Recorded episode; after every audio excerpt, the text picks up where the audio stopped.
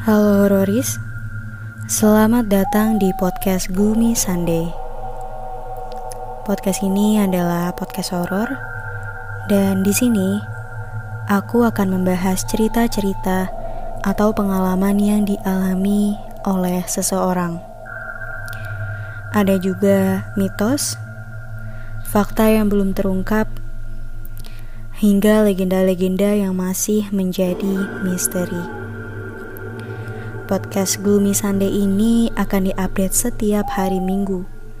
Jadi, terus update buat episode-episode terbaru hanya di Spotify. Selamat mendebarkan. Halo, selamat malam semua sahabat hororis. Sebelumnya, aku mau memperkenalkan diri dulu. Nama aku Maulida Dia Fitri Pranoto Teman dekat aku biasa panggil aku Maul. Jadi kalau kalian mau dekat sama aku, panggil aja aku Maul ya. Jadi ini adalah podcast pertama aku dan aku mengambil kategori podcast horor. Karena aku suka sama genre horor. Jadi ini menurutku waktu yang tepat sekali untuk membuat podcast horor ini. Selain itu juga aku mau menantang diri aku sendiri untuk ngebangun chemistry dengan hororis di mana pun kalian berada. So, semoga kalian suka ya sama podcast aku. Oke, jadi di episode satu hari ini aku bakalan bacain sebuah legenda yang mungkin semua orang udah tahu nih kayaknya. Aku hari ini bakalan ngebahas cerita tentang Bloody Mary sosok wanita penunggu cermin yang konon katanya juga bisa merenggut nyawa kalian dari dalam cermin. Ngeri ya hororis? Hi. Jadi cerita yang bakalan aku bacain ini dari beberapa orang yang DM aku ke akun Instagram aku.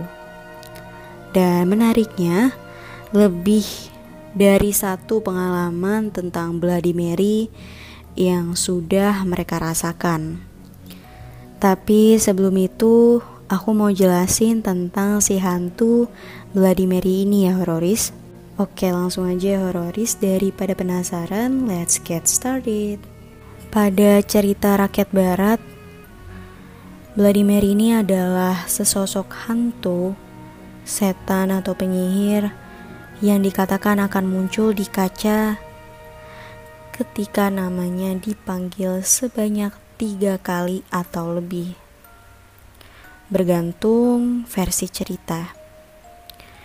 Jadi karena legenda Bloody Mary ini sudah banyak dipercayai oleh masyarakat luas yang tentu saja percaya dengan hal gaib atau mistis, Vladimir ini sering digunakan sebagai bagian dari permainan. Cerita yang sangat mirip lainnya dengan nama yang sama adalah Mary Worth, Mary Worthington, Hail Mary, dan Black Agnes. Bloody Mary adalah permainan dengan hantu yang sama atau nama lainnya seperti Mary Worth dikatakan akan muncul di kaca ketika kalian panggil namanya. Bloody Mary juga dikatakan bahwa jika berkata Carol sebanyak tiga kali, hantu kaca ini akan tiba. Salah satu cara umum untuk membuatnya muncul adalah berdiri di depan kaca dalam keadaan gelap gulita yang biasanya dilakukan di kamar mandi dan mengulangi namanya tiga kali dengan memanggil Bloody Mary, Bloody Mary, Bloody Mary. Bloody Mary Ward dideskripsikan juga sebagai pembunuh anak-anak. Bloody Mary adalah sebuah legenda dari negara Amerika, yaitu seorang wanita yang bernama Mary Worthington yang dikabarkan meninggal di depan cermin.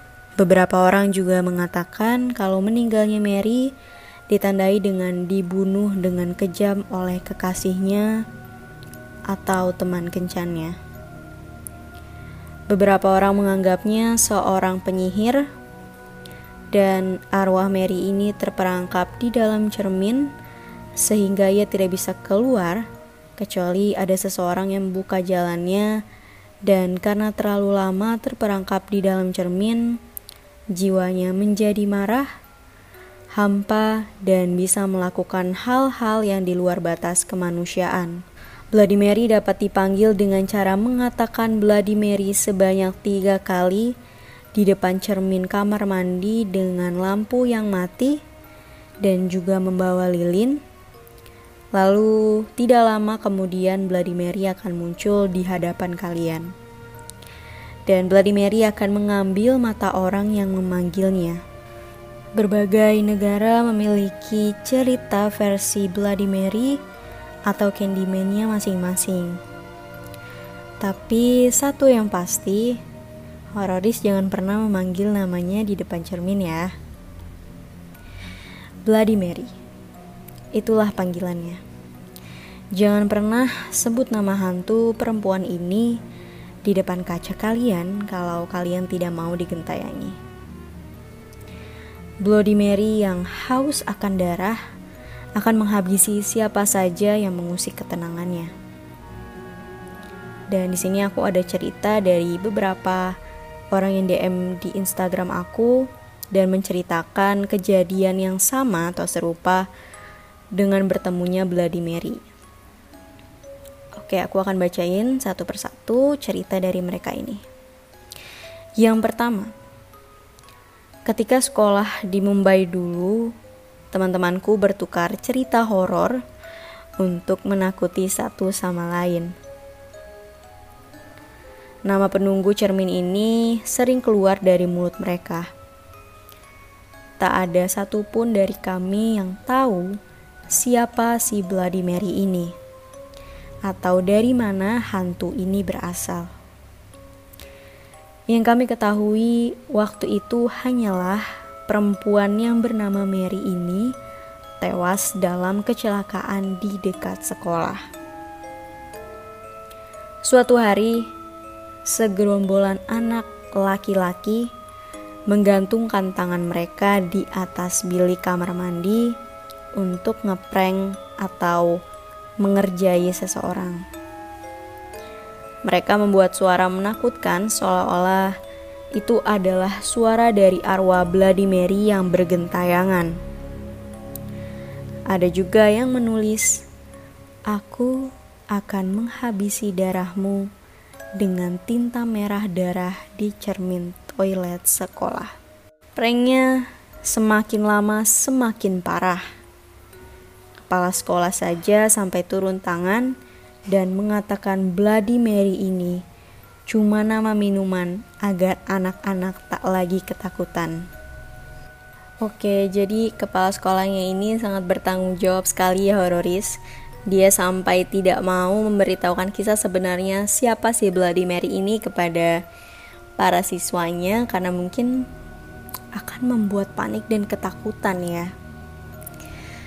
Oke, jadi aku kira cerita horor ini hanya tersebar di sekolah India saja tetapi ternyata seluruh dunia telah mendengar kisah dari Bloody Mary. Lalu berikutnya ada cerita dari Margot Pradels berumur 19 tahun menceritakan versi yang sering dia dengar di sekolahnya Prancis. Katanya Mary ini baru akan pergi setelah gelang yang menyangkut di tangannya terlepas. Ada siswi juga yang mengaku pernah memanggil Mary di toilet sekolah, tapi arwahnya terjebak di sana karena orang itu tidak berhasil melepas gelangnya. Kenang Pradels. Tak ada yang berani masuk toilet itu setelahnya. Oh, jadi mungkin anak perempuan ini mencoba untuk memanggil nama Mary di toilet sekolah, tetapi karena dia tidak bisa berhasil melepaskan gelang yang ada di tangan Mary, akhirnya jiwa si anak perempuan ini tersedot ya atau diambil oleh si Mary ini ke dalam sebuah cermin itu. Wow, lanjut ada dari negara Dubai. Lelaki yang berumur 23 tahun bernama Zenvias mengatakan kaca di toilet sekolahnya retak karena anak-anak meneriakan nama Mary. Sementara itu, Alex Gross, 25 tahun yang mendengar suara gedoran setelah teman-temannya memanggil nama hantu perempuan ini di kamar mandi sekolah.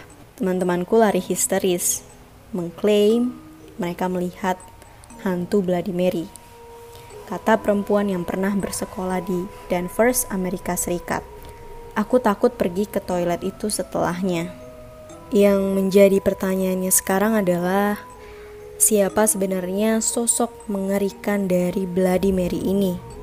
Dan kenapa anak-anak di seluruh dunia ketakutan dengannya. Nah, mungkin hororis bisa jawab yang sedang mendengarkan podcast ini. Menurut pendapat kalian dengan sosok Bloody Mary ini seperti apa sih? Oke, aku lanjut ke pembahasan berikutnya. Ritual pemanggilan hantu Bloody Mary di depan kaca kamar mandi telah terjadi sejak abad ke-18. Namun, asal-usulnya tetap tidak diketahui.